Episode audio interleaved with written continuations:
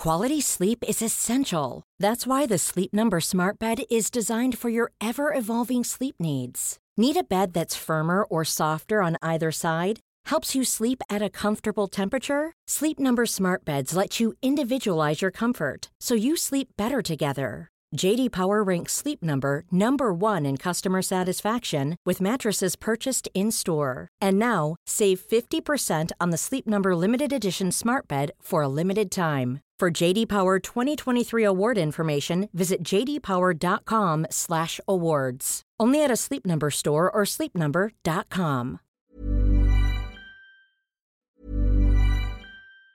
If you thought the only way to get a more defined jawline with natural-looking results was through surgery, think again. Juvederm Volux XC is a non-surgical injectable gel filler that improves moderate to severe loss of jawline definition and can help you achieve natural-looking results with little downtime. Even better, this improved definition lasts up to one year with optimal treatment. No maintenance required. Improve jawline definition for a smooth, sculpted look with Juvederm Volux XC. For important safety information and to find a licensed specialist, visit juvederm.com. That's J U V E D E R M.com. Not for people with severe allergic reactions, allergies to lidocaine, or the proteins used in Juvederm. Common side effects include injection site redness, swelling, pain, tenderness, firmness, lumps, bumps, bruising, discoloration, or itching. There's a risk of unintentional injection into a blood vessel, which can cause vision abnormalities, blindness, stroke, temporary scabs, or scarring. Talk to a licensed specialist to find out if it's right for you.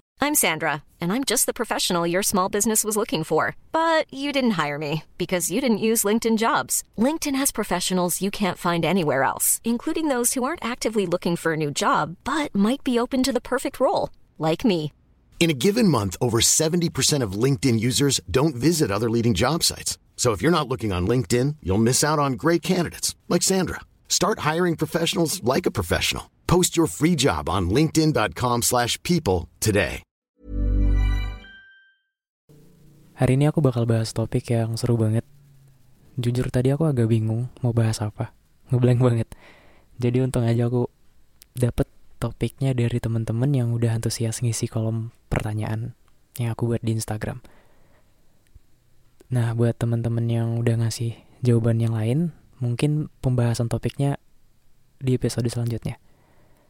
Gak mungkin kan dicampur satu-satu dulu. Nah, topik yang kali ini bikin aku jadi semangat buat podcastnya adalah tentang patriarki. Ini topik yang seru banget buat dibahas. Tapi sebelum lanjut ke pembahasannya, aku pengen kamu ikut berkontribusi dalam podcast ini. Dengan kamu klik like, follow, dan share ke teman kamu, aku makin semangat buat podcast ya. Terima kasih. Patriarki adalah suatu sistem sosial yang memberikan keunggulan dan dominasi kepada laki-laki dalam hampir semua aspek kehidupan. Ini menciptakan struktur kuasa yang menempatkan laki-laki sebagai pemimpin, pengambil keputusan utama, dan pemegang kontrol. Patriarki juga sering kali menghasilkan ekspektasi yang kuat terhadap peran tradisional gender, seperti peran laki-laki sebagai pencari nafkah dan peran perempuan sebagai pengurus rumah tangga dan pengasuh anak. Simpelnya tuh gini, patriarki itu adalah sistem, adalah aturan yang ngejagain cowok buat jadi bos besar, buat jadi pemimpin dalam segala hal. Semuanya, tanpa terkecuali, dari pekerjaan sampai keputusan penting. Itu dikuasain sama cowok. Patriarki juga bisa bikin kita, enggak cuman cewek ya, cowok juga kena. Itu kena stereotip gender kayak cowok wajibnya itu kuat dan berani, sementara cewek itu dianggapnya lemah dalam segala hal. Nah, ngomongin soal patriarki mungkin beberapa dari kita ngerasa kalau patriarki ini baru ada di zaman yang modern kayak gini atau beberapa tahun yang lalu. Tapi ternyata setelah aku searching, patriarki itu sudah ada selama ribuan tahun yang lalu dan memiliki akar sejarah yang kompleks. Nah, yang pertama dari perkembangan sosial dan ekonomi awal. Patriarki mungkin dimulai seiring dengan perkembangan masyarakat manusia dari dari pemburu ke pengumpul ke pertanian dan permukiman tetap. Ketika manusia beralih dari gaya hidup nomaden ke menetap, harta benda seperti tanah dan ternak menjadi lebih penting. Ini mungkin menyebabkan perkembangan sistem keturunan patrilineal di mana harta benda dan status sosial diwariskan melalui garis keturunan ayah. Ternyata ada argumen, uh, ada statement bahwa peran biologis dalam pembagian kerja antara laki-laki dan perempuan itu juga memainkan peran dalam pembentukan patriarki. Selama ribuan tahun, perempuan biasanya hamil, melahirkan, dan menyusui anak-anak yang membuat mereka kurang bisa berpartisipasi dalam pekerjaan di luar rumah. Ini mungkin mengarah pada pembagian tugas yang lebih tradisional, dengan laki-laki di luar mencari nafkah sementara perempuan itu mengurus rumah dan anak-anak. Ternyata agama dan mitologi memiliki pengaruh besar dalam perkembangan patriarki. Banyak sistem kepercayaan kuno memiliki dewa-dewi yang mencerminkan hierarki gender tertentu. Dengan laki-laki sering digambarkan sebagai paling kuat dan berkuasa, sementara perempuan sebagai makhluk yang lemah.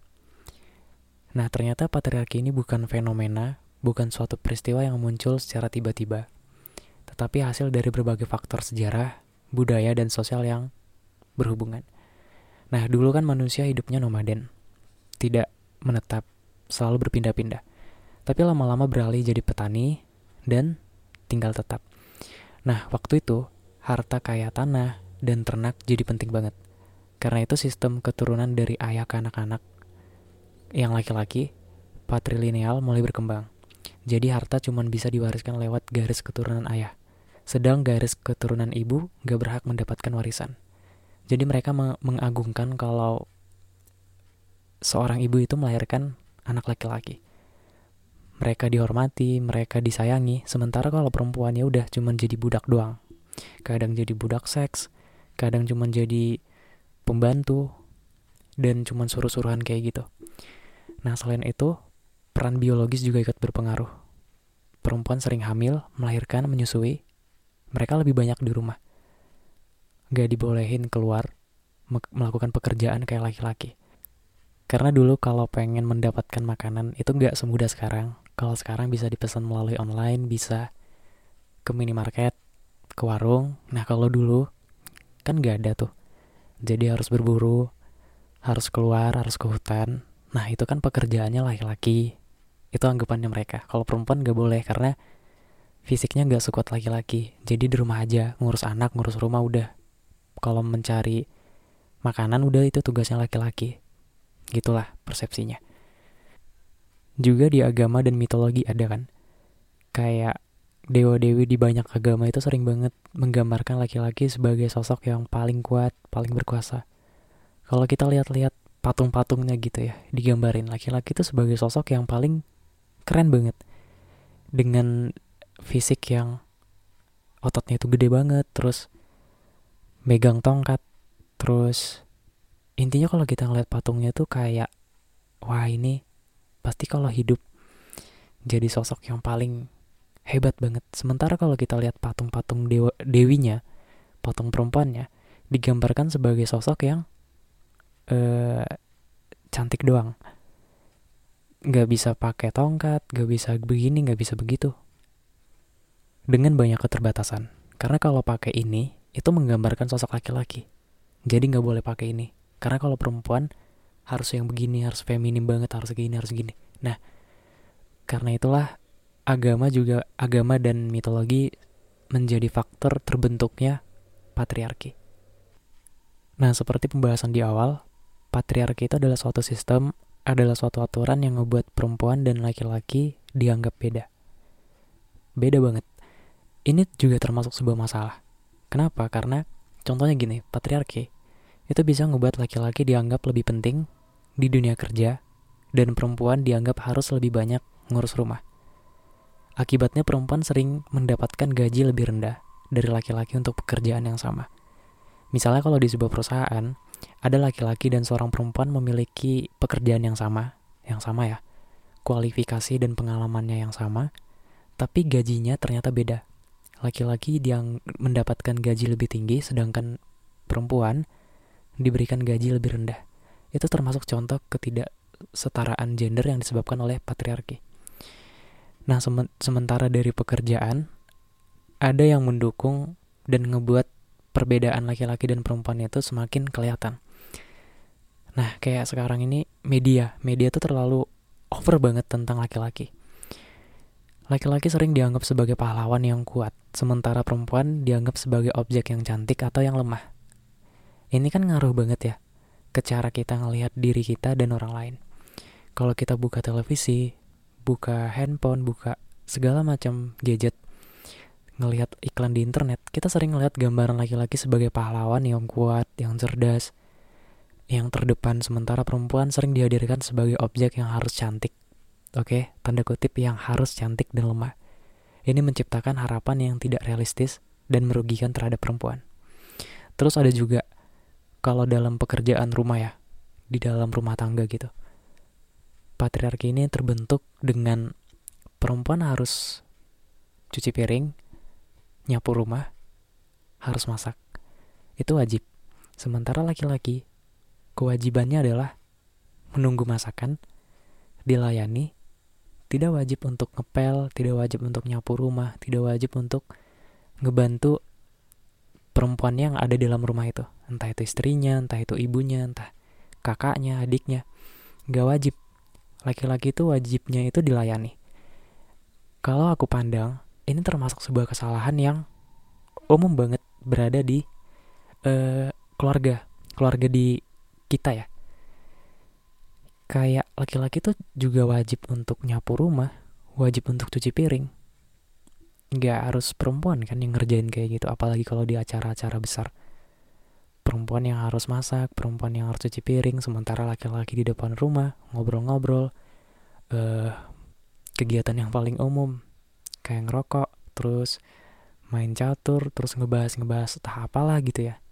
Nah, pekerjaan perempuan itu di belakang Padahal laki-laki juga bisa disuruh cuci piring, disuruh ngebantu ini. Bukan berarti laki-laki itu nggak boleh megang kerjaan. Tentu boleh. Terbentuknya patriarki paling besar itu ya dari keluarga, dari rumah. Sedari kecil diajarkan kalau laki-laki, apalagi bangun kesiangan itu nggak apa-apa. Sedang perempuan nggak boleh bangun kesiangan. Semisal terjadi pada perempuan bangun kesiangan, langsung dimarahin. Kamu mau jadi apa kalau bangun kesiangan? Sementara laki-laki dibolehin. Ya nggak apa-apa lah namanya juga anak laki-laki. Harus sama kan? Perempuan harus bangun lebih awal ya laki-laki juga harus bangun lebih awal. Bukan berarti laki-laki bisa bangunnya jam berapa aja sedangkan perempuan ya harus nyiapin pekerjaan rumah. Ketika laki-lakinya bangun misal rumahnya itu harus sudah beres. Dan laki-laki berhak memarahi perempuan kenapa nggak diberesin rumahnya? Justru yang paling di yang paling berhak dimarahin itu adalah si laki-lakinya. Kenapa harus menunggu pekerjaan rumah itu selesai dulu? Kenapa nggak ngebantuin ya? Kenapa harus nyuruhin si perempuan itu ngerjain pekerjaan rumah? Justru pekerjaan rumah itu pekerjaan bersama bukan pekerjaan perempuan doang kalau kita ngelihat dari sudut yang paling kecil memang patriarki itu menguntungkan pihak laki-laki, sementara pihak perempuan itu dirugikan. Tapi kalau kita ngelihat dari aspek yang paling luas, patriarki itu bisa ngebuat masalah untuk cowok juga loh. Salah satunya itu stres berat. Kan cowok tadi diharapkan sebagai pahlawan, sebagai tokoh yang paling super, sementara perempuan itu dianggap lemah ya. Nah, karena cowok diharapkan keras dan tangguh, terus jadi ser sering kali mereka ngebattling emosi mereka dan gak boleh nunjukin perasaan. Ini udah aku bahaskan di awal kalau laki-laki itu berhak nangis. Tapi gara-gara ada patriarki ini, laki-laki gak boleh nangis. Ini bisa bikin laki-laki ngerasa stres dan gak sehat buat kami laki-laki. Terus tekanan kerja. Ada tekanan buat cari pencari nafkah utama dan pemimpin keluarga. Ini bisa bikin cowok ngerasa beban berat untuk sukses finansial. Karena selalu ada tekanan kalau ya patriarki tadi, perempuan gak boleh kerja kan, sementara laki-laki wajib kerja. Ya begini yang begini yang begini, akhirnya cowok jadi stres, kena tekanan kerja. Terus pada pilihan karir yang terbatas. Kadang ekspektasi gender bisa bikin cowok ngerasa terbatas dalam pemilihan karir, pemilihan pekerjaan.